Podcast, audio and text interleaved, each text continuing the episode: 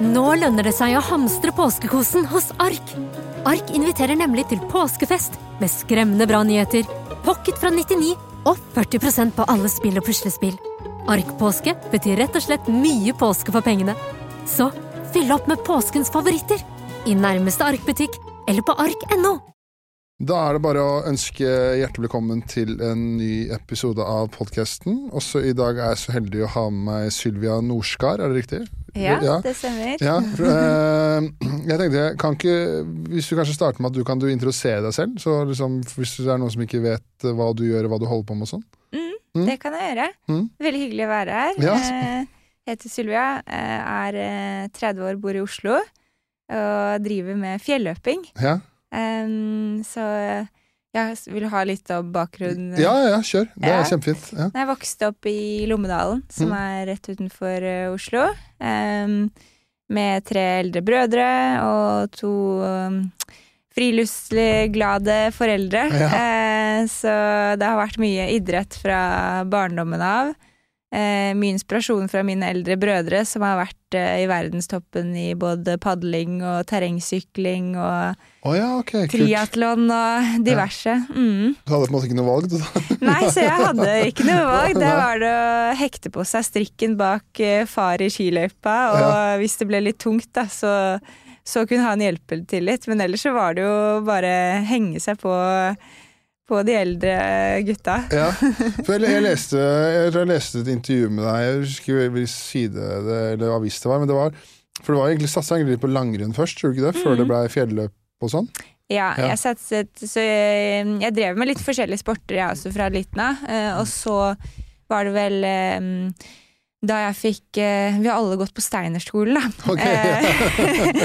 Men eh, da jeg fikk overtalt eh, mor og far til at eh, jeg ville nå slutte på ungdomsskolen og begynne på NTGU, Ja. fordi da ønsket jeg å satse på langrenn. Mm. Og jeg syns ikke at Steinerskolen var eh, helt perfekt eh, og i den alderen, så jeg var veldig glad for at jeg fikk revet meg ut eh, av det. Men da var det mm, stor motivasjon med langrenn, så det satset jeg egentlig på ut videregående, hvor jeg fortsatte på NTG Lillehammer.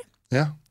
Og så hadde jeg ett år etter videregående hvor jeg bare bodde på Lillehammer og tok noe fag på høyskolen ved siden av, men da var det full satsing. Mm. Um, og så dro jeg, fikk jeg muligheten til å reise til Denver i Colorado uh, og få et skistipend, hvor man da Oi. får satset på idretten, som var langrenn for min del, og studert eh, ved siden av. da. Så det var superkult. Ja. Så det var egentlig langrenn da fram til jeg kom hjem igjen i 2017. Så stor del av livet. Ja, ja, for det er jo, altså det er jo kanskje ikke Jeg vet ikke om det er så langrenn er kanskje ikke så populært, men det er fortsatt veldig mange gode utøvere som kommer derfra.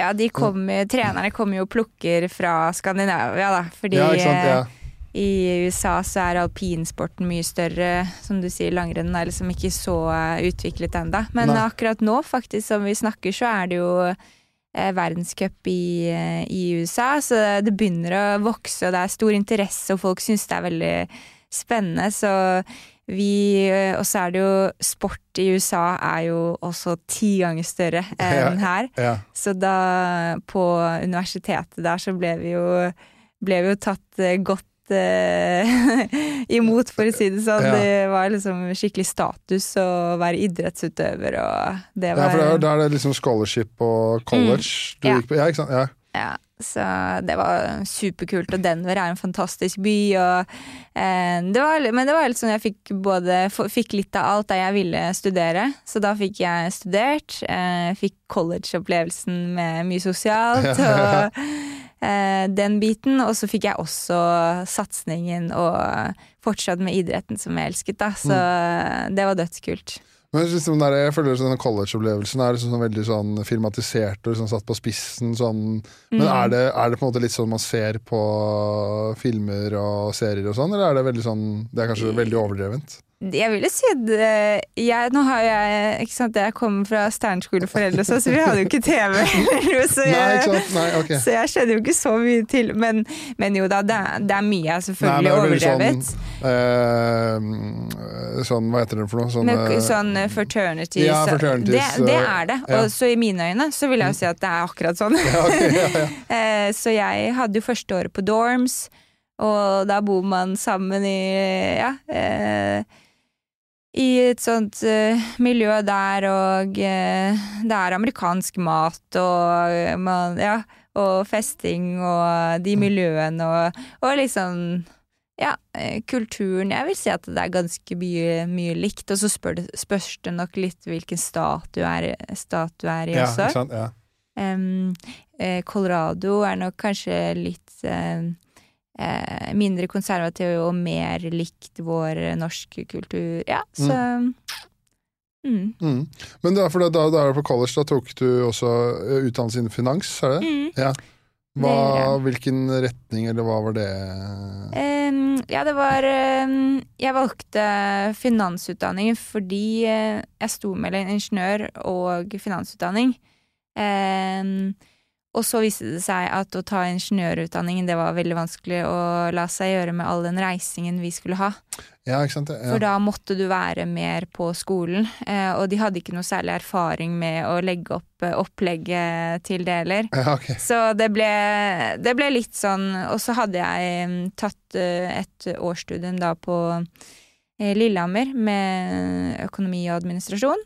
Eh, Så jeg likte, trivdes veldig godt med de fagene, og da tenkte jeg det, det fortsetter jeg med. Jeg liker det, og det funker bra med den komboen, så da får vi heller se hva det blir med ingeniørstudier, og de har, de har ikke blitt tatt opp ennå, i hvert fall. Nei.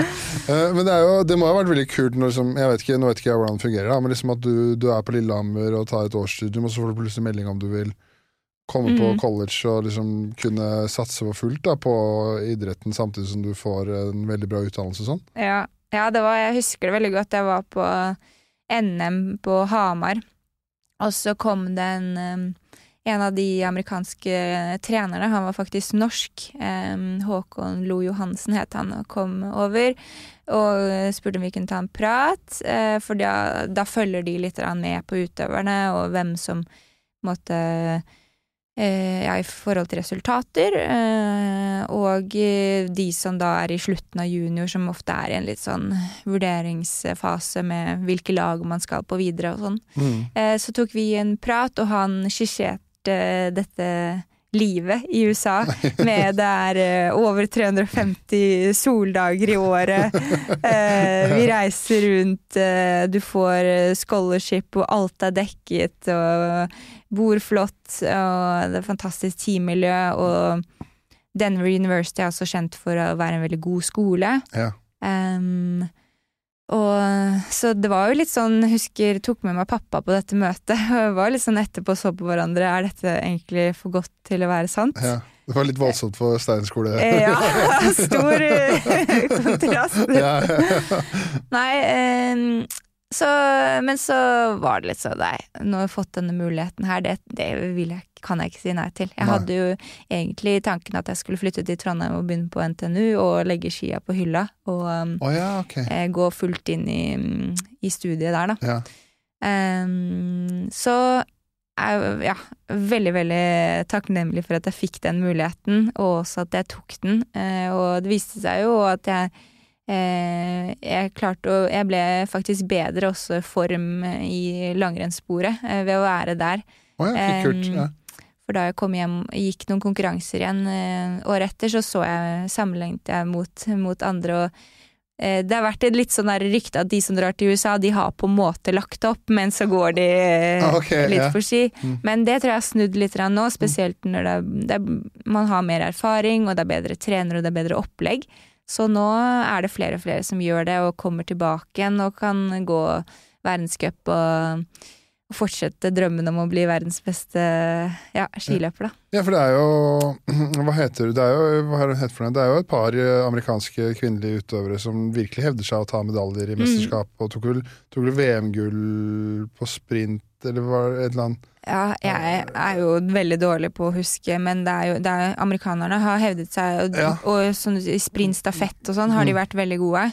Så det har absolutt eh, skjedd mye der, og det syns jeg er veldig kult. mm. Um, og nå er det jo en eh, amerikaner, norsk-amerikaner, som eh, også gjør det ganske bra, en ung jente. Og hun er jo en av mine største konkurrenter også i fjelløpingen.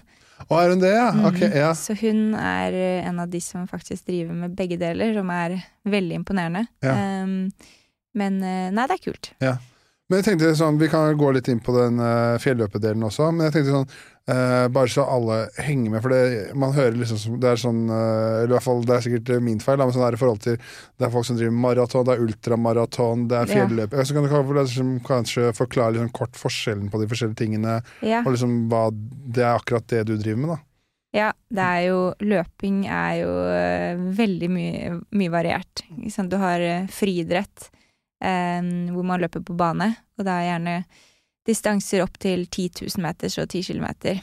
Um, og så er det gateløp, som kanskje er det de fleste forbinder med maraton og, og ultra, hvor man eh, Men gateløp er som regel 10 km, 21 km og 42 km, som Mm. er maratondistansen. Ja, for det er det man ser når det er maraton i OL, Mm. så er det det der, er det ikke det? Det er 42 km. Ikke sant? Ja, Mm. gateløp. Ja. Mm. Og så er det mm, fjell- og terrengløping. Eh, og der er også mange forskjellige distanser. Eh, eh, men det jeg løper, er liksom det som heter Jeg løper både maratondistanse og ultra. Og ultra er egentlig alt som er over en maratondistanse. Så alle, alle løp som er over eh, 42 km, da er man på ultra. Ja. Så det er liksom egentlig definisjonen for at da er du ute i mange timer, da. Mm. Eh, Det er veldig lange løp. Eh, Men eh, Og de konkurransene jeg er med på, det er jo bare i terreng og fjell. Så det betyr at det er veldig mange høydemetere inne i bildet. Så vi kan løpe eh, den serie, på en måte den verdenscupserien som jeg løper, den heter Golden Trail World Series. Mm. Um, så der er løpene mellom 25 og 42 km lange. Ja. Uh, og så er det fra uh, 1500 til 3000 høydemetere. Ja, for det er det jeg skulle til å si. At, jeg så, jeg så det at, eh, at du vant nå når du var for forrige uke.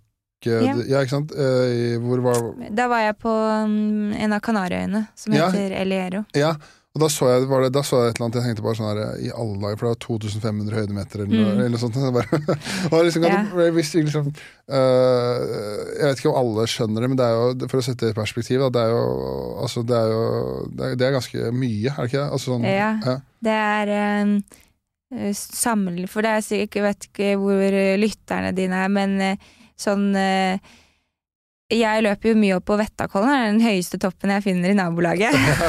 Så det er sikkert en del som er i Oslo som kjenner til det. Ja. Og fra, fra meg på Ris, da, så er det 250 høydemetere. ja? Ja. opp dit. Så det blir en del ganger opp og ned der for å klare å få en økt med 2000 høydemeter, da. Eller så kan du jo løpe fra havet opp til Galdhøpiggen, så får du høydemeterne. Ja, ikke sant? Ja, det, er, det er en kul sammenligning, da, så liksom folk skjønner øh, Ja. Mm. Mm. Men, eh, men der hvor vi så, det, så i Norge er det jo faktisk litt vanskelig å trene veldig spesifikt mot denne sporten, fordi eh, bakkene er ikke lange nok. Nei. Så mm, jeg skal faktisk flytte ned til Chamonix i mai. Ja, skal du det? Ja, Mm, ok, kult. Chamonix i Frankrike, det er liksom mekka for fjelløping. Og Ja. der er denne sporten kjempestor. Eh, det er noe Det er liksom eh, Fordi det er så flott å løpe i fjellet. Eh, og der har man jo høye fjell, så man kan lett fra Chamonix få en økt hvor du bare løper 2000 høydemeter oppover. Ja? Ja, ja. Eh, men da kommer du jo 3000 meter over havet, så det er jo ofte høyde involvert også, da. Mm. Eh, så det blir jo en ekstra påkjenningsfaktor i tillegg. Så ja, i forhold til oksygenopptak og Mm. sånn. Ja. Mm. ja, det er tøft å, mm, å løpe hardt eh, når du, har, når du er høyt oppe. eh, Men det er det vel litt i Denver, er det ikke? Ja, det ligger Jo. jo, ikke sant? Det ligger, ja, ja. Det stemmer. Denver mm. ligger på 1600 meter over havet. Ja. Så der eh, levde jo egentlig et uh, høydeopphold. Så Ja. Men hvordan var det liksom sånn når du da gir deg med langrenn, og så begynner du å jobbe innenfor finans, hvordan var det liksom du Eh, Var det liksom med en gang du var ferdig med langrenn at nå skal jeg begynne med fjelløping, eller var det sånn gradvis prosess at du fant ut at det er her jeg vil gjøre, eller hvordan var det? Mm. Mm, nei, det var eh, Det var en gradvis eh, overgang ved at jeg ble motivert av en broderen som løp litt eh, ultraløp, så han løp typ sånn 100 km løp i fjellet. Ja. Og jeg skjønte ikke at det var mulig. Jeg husker vi fulgte med der man har gjerne sånn tracking på seg, da, så du kan følge løperne gjennom eh, ruta. Ja. Og da kunne han jo løpe løp som varte i 20 timer. Så ofte så sov vi, vi gjennom natten mens han var ute og løp. Ja, jeg- helt ja, eh, jeg skjønte ikke at det var mulig. Men så utfordret han eh, min andre bror eh, og meg eh, til å bli med på et 100 km-løp som går gjennom Jotunheimen. Da. Okay, ja. Eh, så dette var i 2018, eh, året etter jeg kom hjem. Og så tenkte jeg det Vi må jo prøve. Eh, og da hadde jeg vært med på en fjellmaraton. Eh, det var det første løpet i, i Skåbu, oppe i Gudbrandsdalen. Og syntes det var bare ufattelig gøy. Eh, og jeg var, jeg var godt trent jeg kom hjem igjen og hadde liksom veldig god form, men så hadde jeg jo ikke løpt så mye. Men eh, tydeligvis så kun var den langrennstreningen og løpetreningen veldig relaterbar, da. Mm. Så alltid når man får til noe, så gir jo det mestringsfølelse, og man har lyst til å gjøre mer av det. Så mm, ble Jo og ja, broderen og jeg sa ja til den utfordringen, da. Og løp da dette 100 km-løpet eh, Ja. sammen, alle tre søsknene. Eller vi løp ikke sammen, da. De, de to knivet litt i, i fronten der, og så lå jeg litt lenger bak. Men ja, ok, eh, ja. Men liksom når, ok, men man, eh, altså jeg tror, jeg tror det lengste jeg har løpt er Jeg har løpt halvmaraton, på en måte. ja. Eh, og det er liksom, når man liksom skal løpe 100 km, hvordan er det liksom man eh, For det må jo være altså Det er én ting i de Altså man blir sliten og de smertene man får, og sånn, men det er bare den mentale kampen det er. da på en Mm. måte, altså Du har løpt eh, altså Du har løpt fem mil, og du er ikke halv, er du halvveis, på en måte. Altså, sånn er det, hvordan er det på en måte du jobber med deg selv sånn mentalt da, liksom, for å komme deg gjennom en sånn Mm. greie? Ja, nei, det er, det er det som er, jeg syns er veldig kult med ultraløping, at det er veldig mye mentalt i det. Fordi man holder på så lenge. Mm. Eh, så du kan aldri planlegge alt helt i detalj, fordi kroppen vil respondere annerledes, og du vil få kanskje noen nedturer, og det blir vondt eh, i deler av løpet. Men eh, og så er det jo sånn for meg, nå har det jo skjedd ganske mye, også den utviklingen fra jeg løp det første løpet, til nå i sommer hvor jeg skal løpe et annet 100 km løp. Ja. Eh, sånn som før Jotunheimen. Da forberedte jeg meg med Da var det smør i lefser jeg hadde, blant annet med røkelaks og banan og Nugatti på noen og sjokolade. Og liksom hele den og alt det digge jeg kunne tenke meg at jeg ville ha på de ulike, for det er sånne stasjoner da du løper innom, så du Ja, kan ta sant? med deg. Ja, så lagt ut på forhånd. Ja. Ja. Um, og pakket sekken litt òg med, og liksom, men nå er det jo bare på én type sportsernæring og eh, veldig mer minimalt, og eh, alt handler om fortest mulig Ja. og effektiv, mest mulig effektivt. For nå er ikke jeg noe ernæringsfysiolog, men sånn, etter 86 km så kanskje ikke røkelaks. som som er- Nei, det, nei, så det er sånn eh, Det spørs jo veldig mye, eh, mye hvor, hvordan ambisjonene man har. Mm. Eh, så det er mange på ultra er, Målet er å bare få gjennomført, for Mm. det, det er en stor bragd i seg selv. Og det syns jeg er veldig kult også nede i Europa. Så er det sånn Siste deltakeren som kommer i mål, det er nesten den som får mest heder og ære, da. Ja, sant? Ja, ja. eh, det, er liksom, det er så stort, da, å bare ha fullført eh, løpene. Og det gjelder også på maratondistanse i fjellet. Men eh, Nei, men forberedelser, det er jo eh, veldig viktig å tenke og kunne løypa, eh, syns jeg, og liksom ha sett eh, så man er så godt som mulig kjent med det man skal igjennom. Så da, men er det sånn at eh, da du på forhånd har gått løypa eller vært gjennom alt du skal, eller liksom Mm. sett på kart, eller hvordan Ja, så som eh, den i Jotunheimen, så var vi jo ganske kjent i terrenget. Den gikk fra Turtagrø eh, til eh, Beitostølen.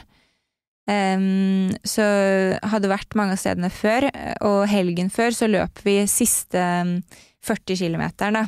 som en skikkelig langtur. Mm. Eh, men da hadde vi og det var jeg utrolig glad for. Da hadde vi vært gjennom de siste 40 kilometerne. Og når jeg kom dit på løpsdagen, så var jeg utrolig glad for at jeg hadde vært der før. Jeg hadde akkurat løpt på den stien, og jeg visste nå er jeg på kjent eh, område. Og det er en sånn eh, god følelse mentalt, da. Så, og nå når jeg skal ned i Chamonix, så kommer jeg til å ha vært gjennom hele løypa eh, flere ganger at jeg trener i den, da. Og det er nettopp fordi da er det så mye enklere mentalt. Ja, det må, for det må, det må være helt uh, Kanskje ikke helt forferdelig, men sånn, hvis du vet at det er 100 km, og du liksom har ikke løpt der før liksom, ja, og du har må- ikke peiling. Nei, det må bare føles mye lengre Ja. ut, kontra hvis du sånn som du sier, har vært gjennom det før. da Det er jo litt sånn ja, når man går på turer eller man ja, skal gå, gå et nytt sted, så føles det åh, det var, ja, eller hvor sykt langt det var. Og så når det blir din daglige vei du løper eller går, eller så er det ikke så langt. Så det, det er mye å si. Ja, Og så er det jo viktig å ha med seg Sånn ernæring er jo viktig under de løpene, fordi eh, du forbrenner såpass mye at du må ha i deg næring underveis. Og liksom når du løper sånt, øh, hvis det er sånt fjelløp på øh, altså 42 km, da. Altså, Mm. Hvor mange kalorier er det du forbrenner i løpet av sånt løp da? Det Um, det kan være opp til Jeg vet hvor mange kalorier. Jeg har ikke så mye forhold til det. Vi driver jo måler liksom karbohydrater vi tar i oss i timen, da. Ja, okay, Men man ja. kan si 6000 kalorier, da. Ja, ikke sant. Ja. Så det er Men ja, det, det spørs jo helt hvordan intensiteten er, eh, og eh, hvor lenge du holder på. Mm. Så dette 100 km-løpet, da konkurrerer jeg i 12-13 timer. Ja. Eh, og så er de kortere på 2,5 time eh, til 4,5 time. Så, mm, så det, det er store forskjeller. Men eh, man forbrenner veldig mye, og man, vi mister veldig mye væske. Så eh, ofte så er det jo varmt på disse løpene, og Mm. da Det å få i seg liksom riktig med salter og Ja, det er en hel, hel egen greie. Men um, jeg tror det viktigste er um, det å på en måte Man må være litt sånn stayer, da. Du må bare stå i det. Uh, og Ja. du må ha en jevn fart som du bare kjenner er bærekraftig. Fordi med en gang du pusher for mye, sant, og man kan begynne å hyperventilere og sånn, da kan du ikke holde på lenge. Så Nei, ok, nei. tanken er at du skal kunne holde på lenge. Ja. Men det må jo være sånn øh, Ja, du, du, du som har gjort det veldig mye, da er det sikkert mye lettere, men det må jo også være veldig vanskelig å planlegge et tempo for 100 km, eksempel. Ja, Altså, det, det- veldig, veldig, all, du vil jo kanskje ha gode og dårlige perioder underveis, og liksom komme Ja. litt an på dagsform og sånn òg. det, det er kjempevanskelig, så man må Og man, ikke sant, å trene til det òg. Det er mange som spør ja, men er du ute på um, Trener liksom på 13 timers langturer, da? Nei, og det gjør jeg jo ikke. Eh, men man har langturer på eh, fire, fem, seks, syv timer. Eh, og det er ofte sånn på ski er jo eh, en syvtimers noe helt annet enn å løpe en eh, syvtimers. Ja.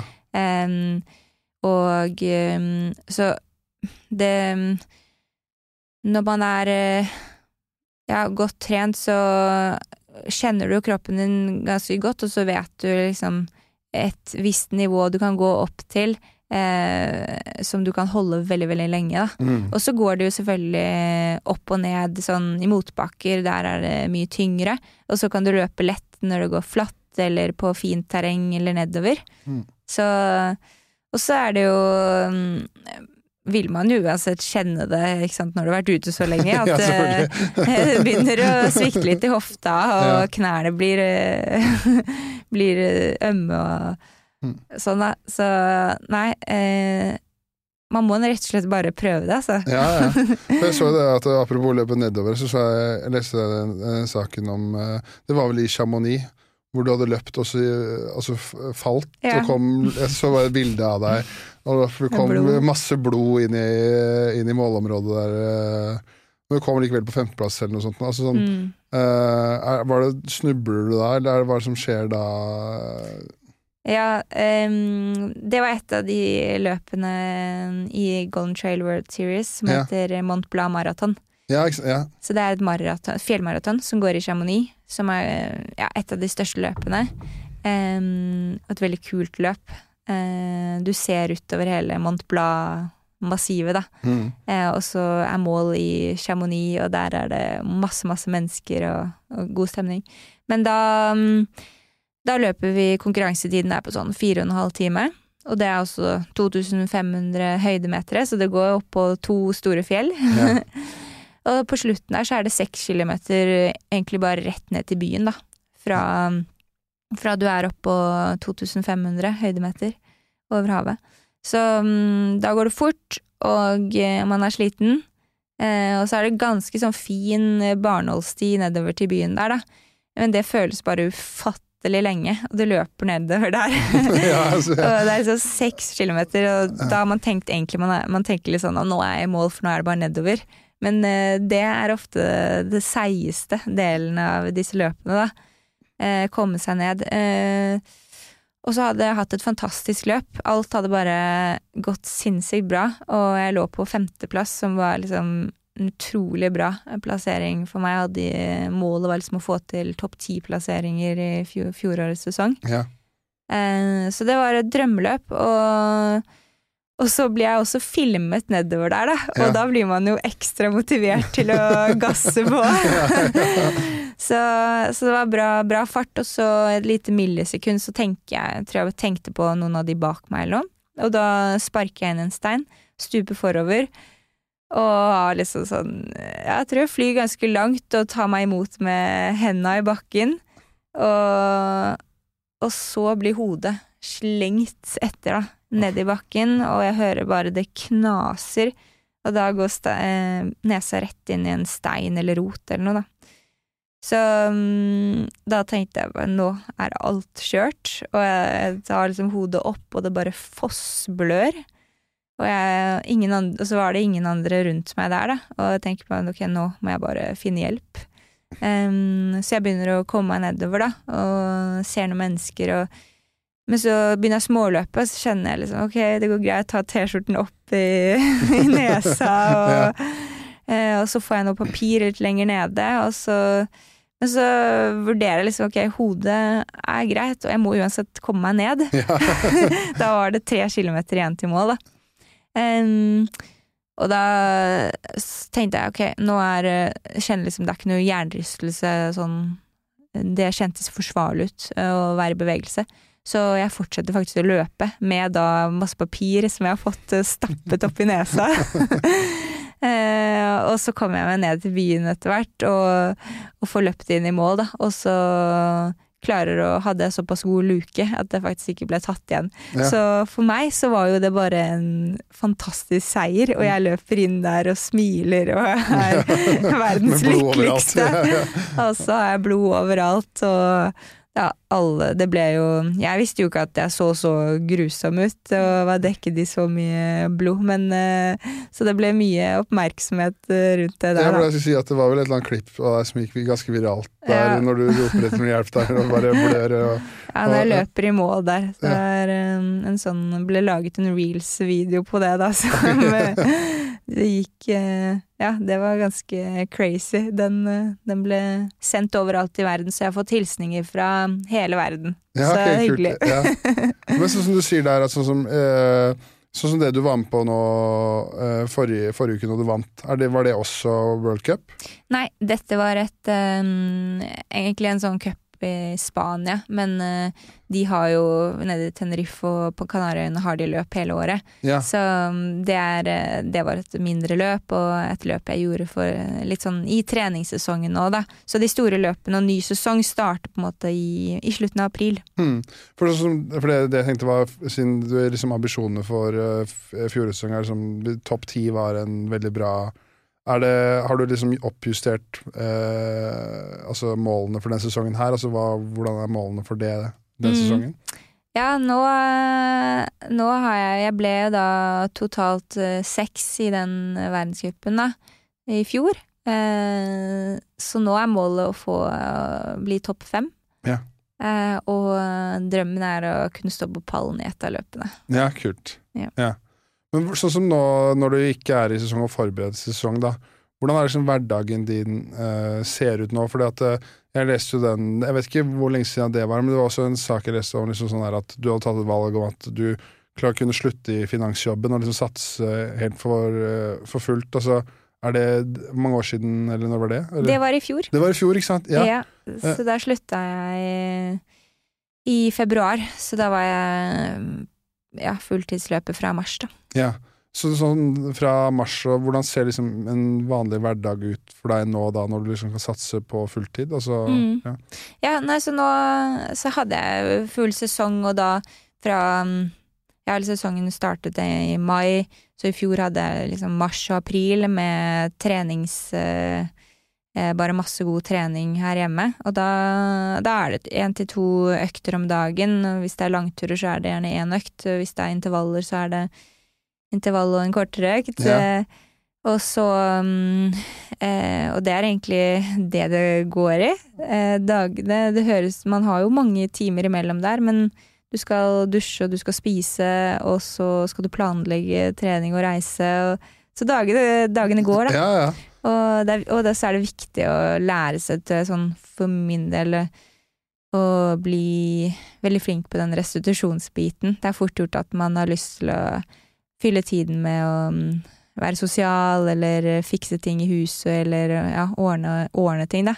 Men eh, skal man være seriøs, så må man eh, prøve å bruke energien på treningen, og så ikke Fordi, så mye annet. den restitusjonen er kanskje noe av, det, altså noe av det viktigste du gjør, i hvert fall med de Mm. distansene som du løper, er det ikke det? Altså, sånn, Mm.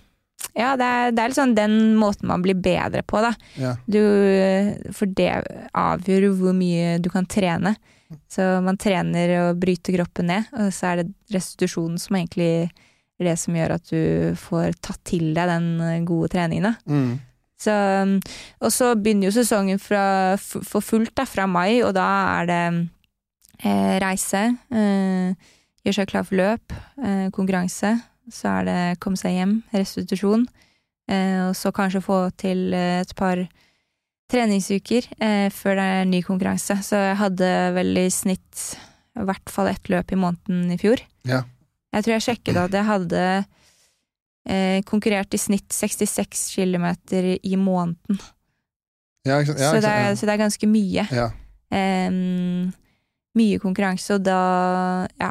Eh, og det er inten, en intens periode, og, og ikke minst sånn mentalt, da, for du skal forberede deg til, eh, til hvert løp, og, ja, og, og også spisse formen til det. Så det Da vil man ikke gjøre Da vil man liksom være veldig klar til hele halvåret der begynner, da, og Ja. bare skjønne at du nå, du, nå lengter du sånn da, etter å konkurrere. Og, ja, så, mm, så varer sesongen til oktober, okay, ja. eh, og da i hvert fall sånn den, de store løpene av den cupen. Um, og så um, var jeg litt sånn Tenkte litt på ja, hvordan blir offseason, da, som er den perioden fra oktober til uh, ny sesong starter igjen i april. Jeg, jeg er jo vant til å jobbe, og jeg trives veldig godt med, med det. Og så er man i Norge, det er vinter. Eh, du, det er litt tøft å være løper, fordi du må, det er kaldt og korte dager, og du Ja. kan ikke løpe ute. Nei. Eh, eh, så mm, jeg best, snakket med PwC, som er min tidligere arbeidsgiver, og vi har, jeg har fått en veldig fleksibel ordning der, så jeg har faktisk jobbet i PwC ved siden av. Å ja, kult. Ja. inn I en eh, deltidsstilling der, da. ja, så bra. Eh, fra oktober og så ut nå til, til mars. Og tror at det er utelukkende positivt, da. At jeg får liksom Man har litt eh, kontraster i hverdagen. Jeg er fortsatt i arbeidslivet og holder meg oppdatert på det, som jeg syns er gøy og, og meningsfullt. da. Man får eh, mestringsfølelse der også. Og så gleder jeg meg enormt da også til de dagene hvor jeg bare kan være seriøs Ja. utøver. Mm. Og det blir liksom litt mer kontrastfylt. Eh, og det tøffeste for en ut- idrettsutøver, det er jo sykdom og skader. Um, og jeg tror at ved å ha bare et eller annet sånn annet i livet når man er idrettsutøver, uh, kan være veldig positivt for å tåle de sånne små nedturer som uansett kommer uh, underveis. At man ikke tar det så, så hardt, da. Eh, men at man justerer, og så fortsetter man videre. Eh, ja, enklere. Mm. For det blir kanskje sånn eh, har du, du har noe Altså Hvis det skulle forekomme en skade, at du har noe, faktisk noe å gå til da Mm. eh, i arbeidslivet og sånn, kontra at eh, jeg har liksom bare hørt, hørt andre idrettsutøvere snakker om liksom, i hvert fall sånn fotballspillere som snakker om at det blir skada, at det blir veldig sånn depresjon. da Ja, veldig At- tomt. Ja, Å sitte hjemme, man føler bare Åh, eh, egentlig så er man bare sykt privilegert, og så sitter man her og blir deppa, for man kan jo ikke gjøre noe. Eh, og så er det vanskelig å se fremgang, eh, fordi det du må gjøre, er jo rett og slett å hvile. Hvis man er syk, skadet, så må du eh, gjøre, enten trene alternativt, eller eh, eh, stoppe med i hvert fall det som har forårsaket skaden, da. Så eh, Og ofte så kanskje trenger man en eh, break, og da bare ok, nei, men eh, da funker ikke det. Da holde på med noe annet og liksom fokusere litt på det. Ja, vi, eh, vi fikk jo litt tekniske problemer her, men det var jo i forhold til eh, jobb og sånn. Ja. Eh, og sånn restitusjon, at liksom det fungerer i forhold til den jobben du har. Men det jeg tenkte også å spørre litt sånn, eh, som du liksom har vært litt inne på, snakka om skader og sånn. er det sånn Jeg ser for meg at liksom når man med det Altså med det, den treningsformen du driver med og den konkurransen og sånn du gjør, at eh, det kan forekomme mye skader. Altså sånn, er det så Når du sier at du har to, to økter om dagen, eller hvis det ikke er langøkt, sånn er det, er, trener du veldig mye sånn skadeforebyggende for å ikke bli skada, sånn at kroppen din og knær og ankler og hofter som sånn skal tåle løping, og sånn eventuelt åssen er den treningen der, liksom? Mm. Um, ja, det er Jeg er jo en løper som eh, gjør ganske mange andre idrettsformer, så alternativ trening. Mm. Så det innebærer mye ski på vinteren og sykling på sommeren. Eh, og det i seg selv er jo veldig bra for å unngå skader, fordi da, sånn som med løping, superbelastende. Em, og hvis man har hatt en eh, løpetur, og så sykler jeg da kanskje dagen etter, da blir på en måte tiden mellom den løpeøkta og neste løpeøkt lengre. Men jeg har likevel fått trent kondisjon eh, eller styrke i mellomtiden, uten å ha trigget kanskje de eh, tingene som ville utløst en skade, da. Så alternativ trening er alltid er jeg superfan av. Ja, okay, ja, ja, ja. Eh, og så er det jo styrketrening. Der, eh, det tror jeg er viktig. Men det trenger ikke å Jeg tror ikke det er avgjørende. Fordi Eller i hvert fall sånn du kan trene, Styrketrening kan du gjøre ved å gå bratt oppover et fjell og, og ned igjen. Eh, eller, eh, eller stå på sykkelen. Du kan få det gjennom mange varianter, men så er det også sånn forskning som viser at sånn tung styrketrening med få repetisjoner, og gjerne sånn eksentrisk hvor du går bare sakte holder igjen, da. Sakte ned. At Ja. det er sånn veldig bra skadeforebyggende. Så Mm. det gjør jeg en gang i uka. Yes, Men ja. Um, ja, så det er en liten del av opplegget, men gjør det fordi jeg tror det er smart. Uh, men jeg tror ikke det er nødvendig. Nei. Nødvendigvis. Og så gjør jeg mye sånn Yoga er jeg veldig glad i, Ja. så da får man jo det er ja, liksom den der at du ikke blir for stiv, og at det pakker seg i muskulaturen, da, som kan være negativt. For det er ganske mye det, altså, sånn, forhold til eh, Jeg bare synes jeg leste et eller annet om forhold til hvor, sånn, eh, løpesteg og sånn, forhold til hvis man er veldig stiv og sånn, at det har veldig Mm. negative konsekvenser for løpesteg og faktisk tiden du, du kan løpe på. Ja, løpsøkonomi, liksom. Ja, Ja, da, da tenker jeg da skal du være veldig Ja, lite fleksibel hvis det går ut mye Da tenker jeg det er mye viktigere å trene kondisjon for at det skal gå fort. ja, ja, nei, jeg, Så man kan, kan, ha, ikke tøye seg til Nei, Nei, og teknikk på løping har mye mindre å si enn ja, enn en de fleste andre sporter. Da. Man, du, kan Ja. faktisk, ja, du kan løpe ganske Se ut som du løper veldig uøkonomisk, men være veldig god, da. For det har mest med kondisjon å gjøre. Ja. Men det som er eh, sånn, der, eh, sånn når du sier at du har eh, også sånn litt sånn der, spennende å høre om, sånn når du sier at er intervalløkter, da. Mm. Som for folk flest er det sånn 45-15 av 4 ganger 4 og sånn. Mm. Hvordan er det liksom sånn en intervalløkt ser ut, som, ser ut for deg, på en måte? Altså, hva, Mm. hva kan være en klassisk intervalløkt for deg? Um, jeg trener jo veldig mye motbakke, da. Ja, ja ikke sant? Ja. Så um, Hvis du ser meg på treningssenteret, så står gjerne mølla på 15% Jeg Ja. det. Får du blikk, eller? ja, så husker jeg startet med det i fjor, da. Det, var, det er mange som ja, går forbi og ja, det for mølla ser ut som mølla står rett oppover. ja. Så en typisk intervalløkt for meg er sånn Ja, i dag så kjørte jeg fem ganger elleve minutter. Satan. Ja. Så det er ja, rett i underkant av en eh, time med drag. Så det er lenge. Og så er det motbakke. Eh, så det er litt sånn standard. Men det jeg også gjør da Jeg trener også, sånn som du sa, 45-15 eh, intervaller. Mm. Eller ti ganger en kilometer, eh, for å få en litt fart og løpe flate. Så det er ganske lange, men da går jo også intensiteten. Det er ikke sånn at jeg går all in i 11 minutter fem ganger. Nei, nei, nei. så man holder på liksom Det er, skal være litt likt den formen når jeg løper. Så jeg ser for meg liksom disse lange fjellene, da. Vi kan jo holde på i eh, en time eller halvtime, i hvert fall, da, eh, med bare motbakke. Ja. Eh, så da Derfor er de øktene veldig relevante. Og mm. Å løpe motbakke er jo også veldig mye mer skånsomt for beina. Så jeg skjønner ikke hvorfor ikke det er flere på treningssenteret som skrur opp stigningen. Ja, ja, Og det er veldig bra for hjertet. Hvis mm. man har liten tid, skal ha en effektiv økt. Hvorfor ikke kjøre den på 10 eller 5 istedenfor, da? Mm. Eh, og så må man jo bare justere farten deretter, da. Mm. Eller gjøre en kombo hvor man varierer litt. Det syns jeg er veldig gøy. Ja. Det går tiden litt fortere. Det går, ja, ikke sant, ja.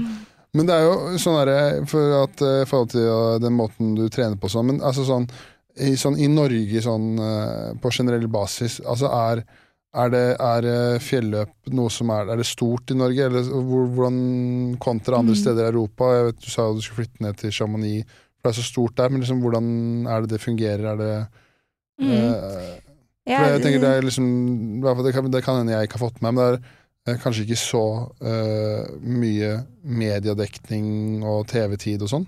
Um, ja, det er en veldig mye mindre sport i Norge enn det det er i utlandet. Så, sånn som i Italia, Frankrike, Spania, der er, er det kjempestort. Uh, denne Golden Trail World Series sendes på Eurosport i 50 forskjellige land, men ikke i ja, Norge. Nei, okay. Selvfølgelig. så det er, det er, veldig Og mediedekningen blir bare bedre og bedre, så de sykler rundt i løypa med å følge løperne. De har droner. Eh, og mm, Så det er en eh, stor sport i utlandet og en veldig voksende sport i Norden og i Norge. Så vi har jo faktisk eh, noen av verdens beste fjelløpere som har etablert seg i lille Romsdalen i Norge. For det er der er det vi det? har fjell, og ja, ja, kult, de kan være i fred fra pressen. ja, ikke sant. Ja, ja, ja. Men sånn er, altså, som det verdenscupsirkuset, eh, da, når det liksom er Men da er det jo på en måte Er det liksom de beste, for eksempel franskmenn og italienere, er liksom sånn litt idrettsstjerner der nede da, mm. eller hvordan er det? Ja. Ja, ja. det er det. Så det er jo en uh, amerikaner som heter Jim Wamsley, som vant det største Det er et 100 miles-løp, som liksom er det aller største i det, det, går i Chamonix, og det heter UTMB, og går rundt hele eh, Mont Blanc-massivet. Så du starter og slutter i Chamonix, går rundt hele Så det er 100 miles er jo 160 km, så det er jo spinnvilt. Ja, ja, ja. Og jeg skal ikke si hvor mange høydemeter det er, men det, da, da, har du liksom nådd toppen da, i fjelløping. Du eh, så han er jo ja, verdenskjent og har flyttet også ned til Frankrike, der ja, man kan se ham på på YouTube, det legges ut mye filmer, og, og så har du Kilian Journet, som jeg tipper ganske mange kjenner til, men liksom Han er jo kjent gjennom og så eh, skimo, eller eh, toppturkonkurranser. Eh, jeg vet ikke hva det norske ordet for eh, rand, randonee. Ja, ja, ja, ja, ja. Mm. Um, så han er jo også en av legendene, da. Eh, og han bor jo i Norge, eh, sammen med Emily Forsberg og så Men eh, ja, i Norge så er det ikke så Det er en liten sport, og, men det blir mer og mer eh, mediedekning og det, interesse. Ja. Mm. Og liksom også det kult med den sporten er at det det er løp som er for mosjonister, og så putter de inn eliten, da. Eh, Så det er ikke bare løp som er eliteløp, det er løp for alle. Og det syns jeg også er veldig kult med, med disse eventene. Ja, ja, absolutt. Men sånn som når eh, Det er kanskje ikke så Jeg vet ikke om det er overførbart, men sånn eksempel når eh, Ingebrigtsen-familien begynner å løpe fort og ta medaljer, og liksom, det er veldig mye fokus på det. Er det noe dere merker over til dere igjen, eller er det liksom veldig separert av liksom folk eh, Mm. Trekker ikke de parallellene, kanskje?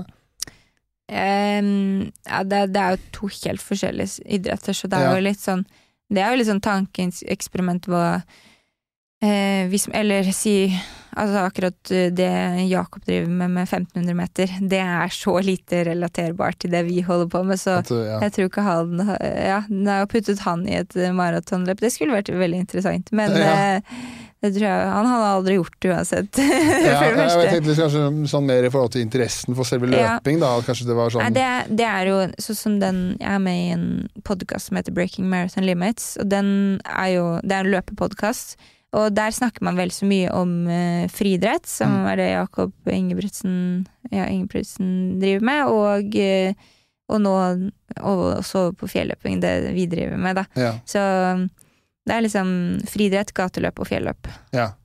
Men sånn som når du flytter ned til Chamonix, det er åpenbart kanskje fordi det er lettere å, å trene som, det er også fordi at det er eh, på en måte lettere da å få sponsorer og liksom kunne le, at man lever ut eh, drømmen enda mer. Er det også litt av tanken med det, eller er det rett og slett for å få bedre Mm. treningsforhold? Ja, eh, egentlig i min situasjon så nå har jeg en samarbeidsavtale med Hoka. Ja. Og um, har vært eh, Nå har jeg også fått på det internasjonale laget. Ja, Eh, så kult. det ja, er veldig gøy. Da eh, er liksom del av også det, det laget, så det gleder jeg meg til å komme og kline i. Men eh, for min del er det um, hovedsakelig på grunn av treningsforholdene og være der det skjer. Eh, og der jeg tenker at eh, det kan liksom løfte meg enda et hakk, da, med å ha enda bedre forhold. Men det har jo masse å si for også, ja, få for sponsorer og eller egentlig å kunne leve av sporten når du bor der nede, for det er mye mer relevant. Sånn som snakket med, med en potensiell sport, eh, en potensiell sponsor, og de var på en måte Det er, det er ikke aktuelt å ha noe sponsor med en eh, utøver i Norge fordi markedet er for lite. Ja. Eh, så det kan jo være tilfellet for mange, hvor man satser da, ikke sant, i de større Men jeg ser for meg at det må jo være øh, kanskje, kanskje ikke for Hvis det spørs hva man driver med, selvfølgelig, men det må jo være veldig øh, interessant for øh, ulike selskaper og folk som kan sponse deg, og som øh, havner på Eurosport for 50 land. da. Du får jo veldig vist fram øh, altså Mm. navnet sitt ved å sponse deg på den måten, Mm. da.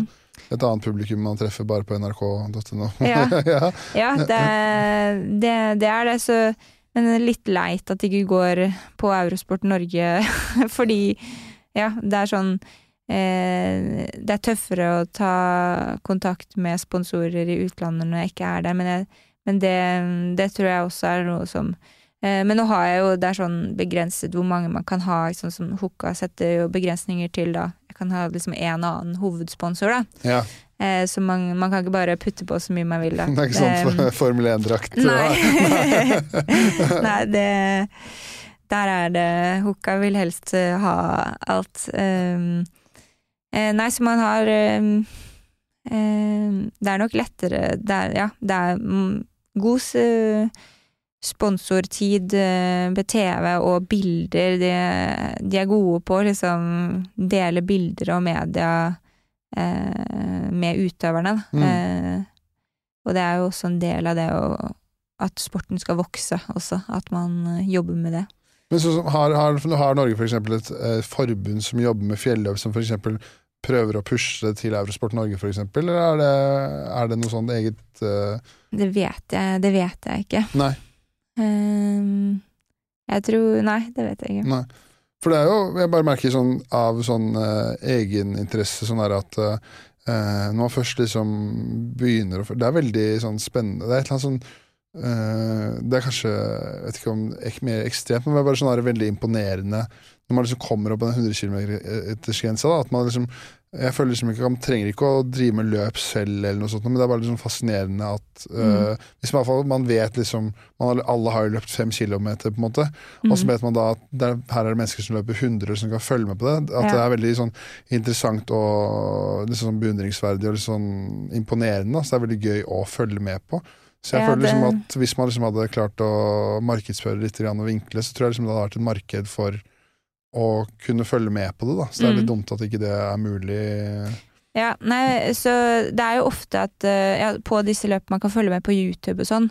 Um, og det er som du sier, det er, det er gøy å følge med på og se, og så er det så flotte omgivelser ofte. Det. Mm. Og det er liksom det, som du sier, man kan bli Det er noe helt annet enn det man selv kanskje har vært med på, og eh, det er litt fascinerende å sette seg inn i liksom Shit, nå våkner jeg, og de har løpt gjennom hele natten, Ja. liksom. Det er litt crazy, og så ehm, ehm, Ja, noe annet, og sånn som eh, mannen min har vært tidligere syklist, og har liksom bare vært opptatt av det, og Men nå, når han har fått øynene opp for den fjelløpingen, han digger jo å følge med på Så hver gang jeg løper løp, da, så sender jeg er det liksom sånn link til hvordan man kan streame løpet. Ja. Um, sånn som for disse hvor de ikke blir sendt på norsk TV, så er det da på YouTube eller en annen kanal da, så man kan logge seg inn på nettet.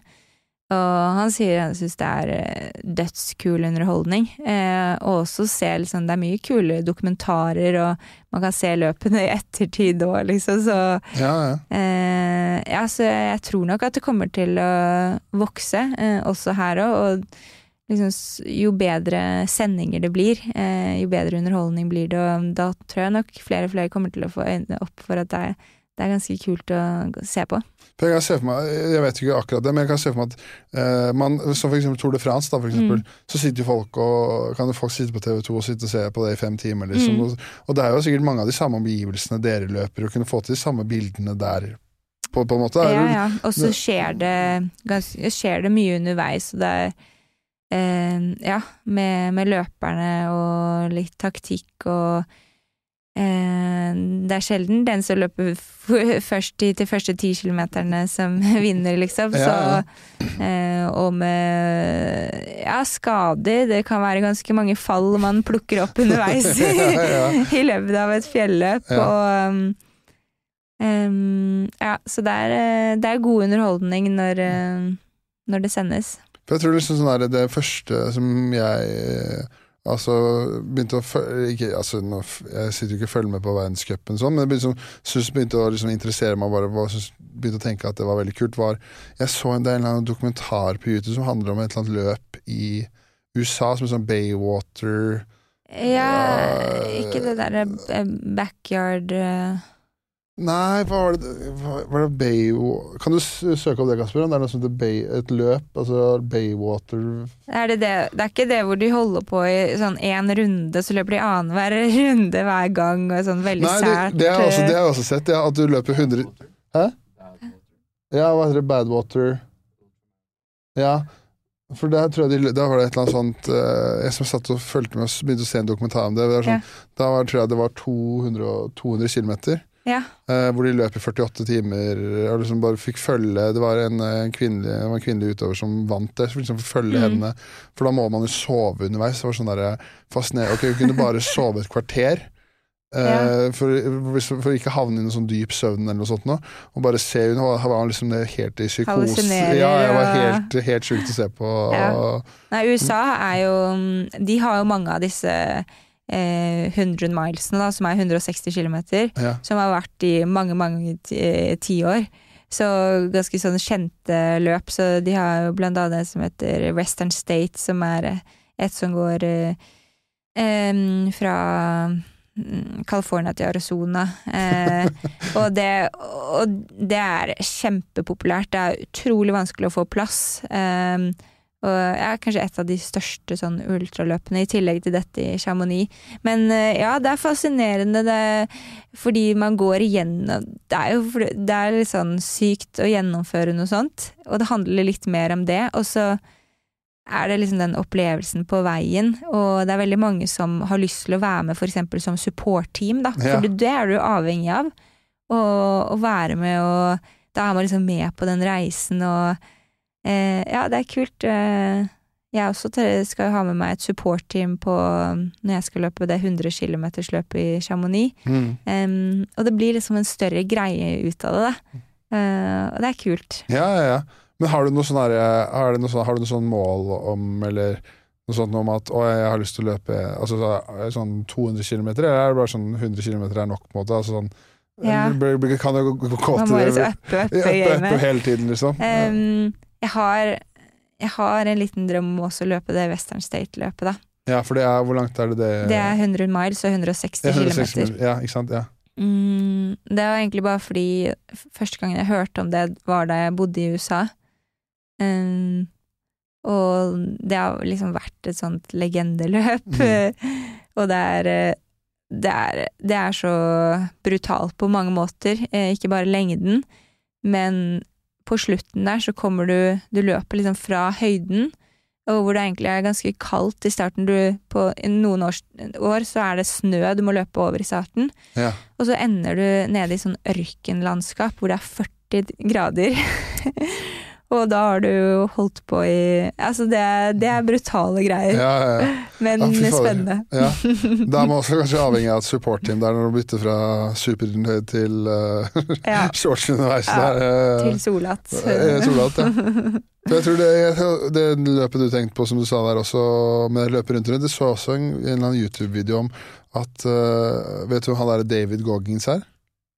Nei, ikke, kanskje når- Ikke når jeg sier navnet. Nei, ok, det er sånn tidligere, tidligere marinejeger i USA, Ja. som liksom nå driver og løper de sånne ultramaratonløp og sånn i USA og sånn.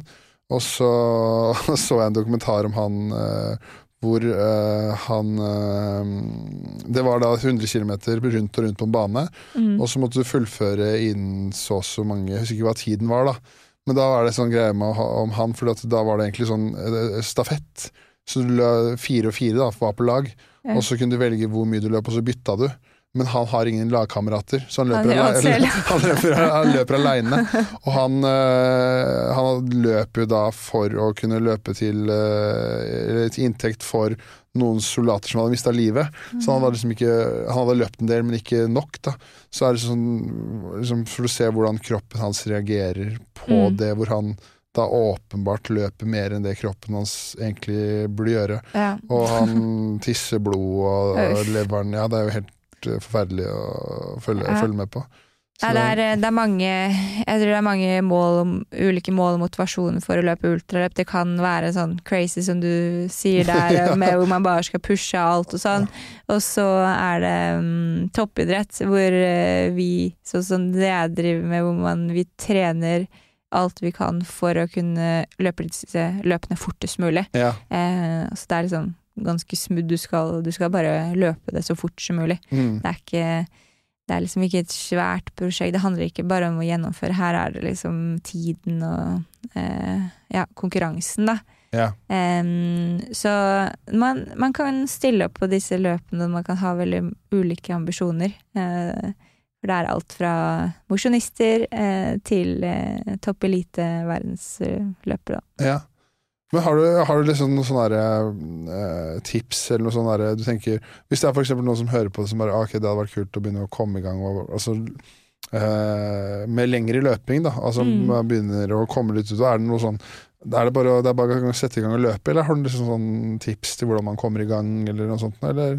Ja, det, eh, det er veldig viktig at man eh, går litt forsiktig frem, fordi som du sier, liksom løping er en belastende sport, så det er fort gjort å få dra på seg skader hvis man bare begynner å løpe hver dag, for da er ikke kroppen vant til det. Så tips nummer én er jo og Da kan det jo være lurt hvis man ikke har idrettserfaring, så kan det være lurt å prate med en trener eller noe, bare få liksom, litt hjelp med et enkelt program.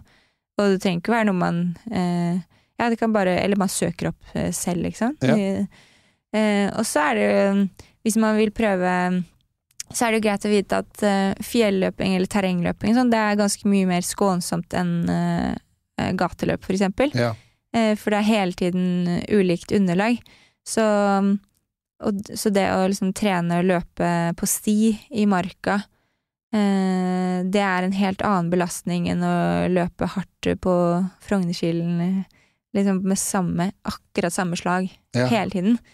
Og så er det jo en mye bedre opplevelse, da. Komme Ja, seg ut i, i skogen og kommer deg opp og ferdig med bakkene, digg, da skal du bare løpe ned igjen og Så det er masse variasjon, og så mm, ja, jeg syns det er det fantastiske med at du får også den naturopplevelsen. Så, Mm.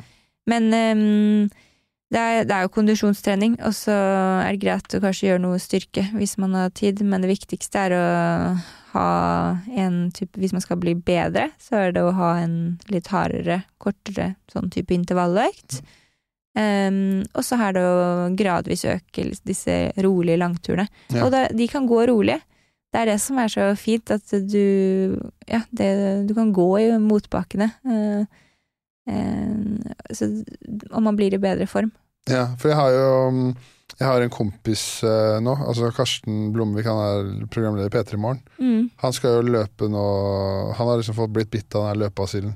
Ja. Så han har meldt på, så det er 50 km. Ekotrail, Eh, kanskje? Ja, kanskje det er det det er. Det er nå i Er det april, eller? Eh, ja, det er sånn tidlig mai. Ja, kanskje tidlig mai der, Mm. ja. Så kanskje løpe det. Så jeg snakka med han før. Han var sånn, og så sa han jeg måtte spørre om, sånn der, om, hvor, hva, om det var noe dere gjorde for å ikke få skade på føttene. Ja, blemmer og sånn. Ja, ja det er, om det er noe triks for det. Eh, jeg har jo en annen jeg kjenner som har hatt eh, litt sånn dårlig ultraopplevelse. det, så jeg vet ikke om jeg har så mye tips, da, men det kan jo skje litt sånn eh, Ja. eh, når man er ute så lenge. Og mm, da var det jo, jeg tror det var et første ultraløp eller noe. Mm. Og eh, han eh, som eh, den vennen min her kjente jo da at det begynte å, begynte å svi litt eh, på de edre delene. um, så da, det skjedde liksom etter 30 km, og da er det Tunge de siste to mila, da. ja, ikke sant.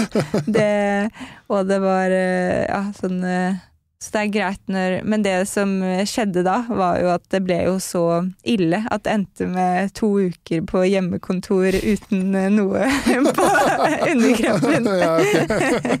Ja. Så det kan skje. Men eh, nei, tips er eh, Jeg pleier å mm, smøre inn føttene. Ja. Um, og det kan man gjøre med alt. Da. Det er liksom å få eh, noe type sånn vaselin eller noe fett som gjør at ikke du får vann, at det heller preller av, da.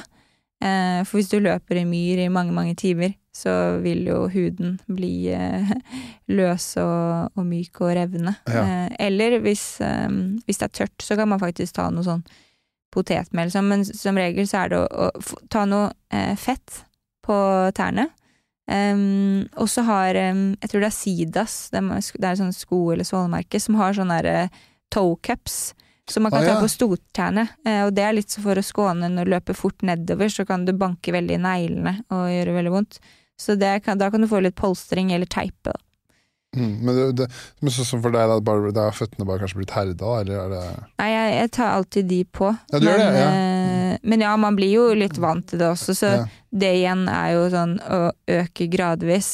Eh, og det viktigste Det er jo når det er spesielt varmt man må tenke på det. Også at du har sko du syns er behagelige, og gjerne noen sokker som du vet funker for det. Ja. Så eh, hvis det ikke er eh, Hvis det eksempel er et fjelløp i Norge, så kan du gjerne løpe med tynne ullsokker. For ull er sånn veldig eh, fint for eh, da går ja, vann ut og inn, liksom at det ikke blir liggende eh, rundt tærne og sånn. Så okay, ja. ull kan være en ja. Jeg har gått på eh, da, da var det ikke så langt, men det var jeg, når vi løp der løp uh, ha, ha, halvmaraton på Birken. Ja. Og da var det han en kompis min hadde da på seg en sånn der, eh, stoff og ikke teipa uh, nipplene. Ja, Så kom vi i mål, og da var det en hvit T-skjorte og sånn der Ja, det- eh, helt rød på, på Det har jeg skjønt der er, eh, kan skje, ja. Ja, Det gnisser for Så man må- liksom um, Det er alltid lurt å ha testa godt det utstyret du skal ha på løpsdagen, på trening før. ja. Det gjelder alt fra liksom, sports-BH-er eller sekker hvis du skal løpe med det i et ultraløp. Aldri ta noe nytt utstyr på løpsdagen. Nei. Og det gjelder også sokker. Det er superviktig. Um, ja. Og, Mm. Så det er vel egentlig bare ikke ta noe nytt. Og sko eh, heller ha litt for store enn for snaue sko. ja, ikke sant. Ja. For nå, hvor lenge er det vi har holdt på nå, Kasper? Times tid, ja.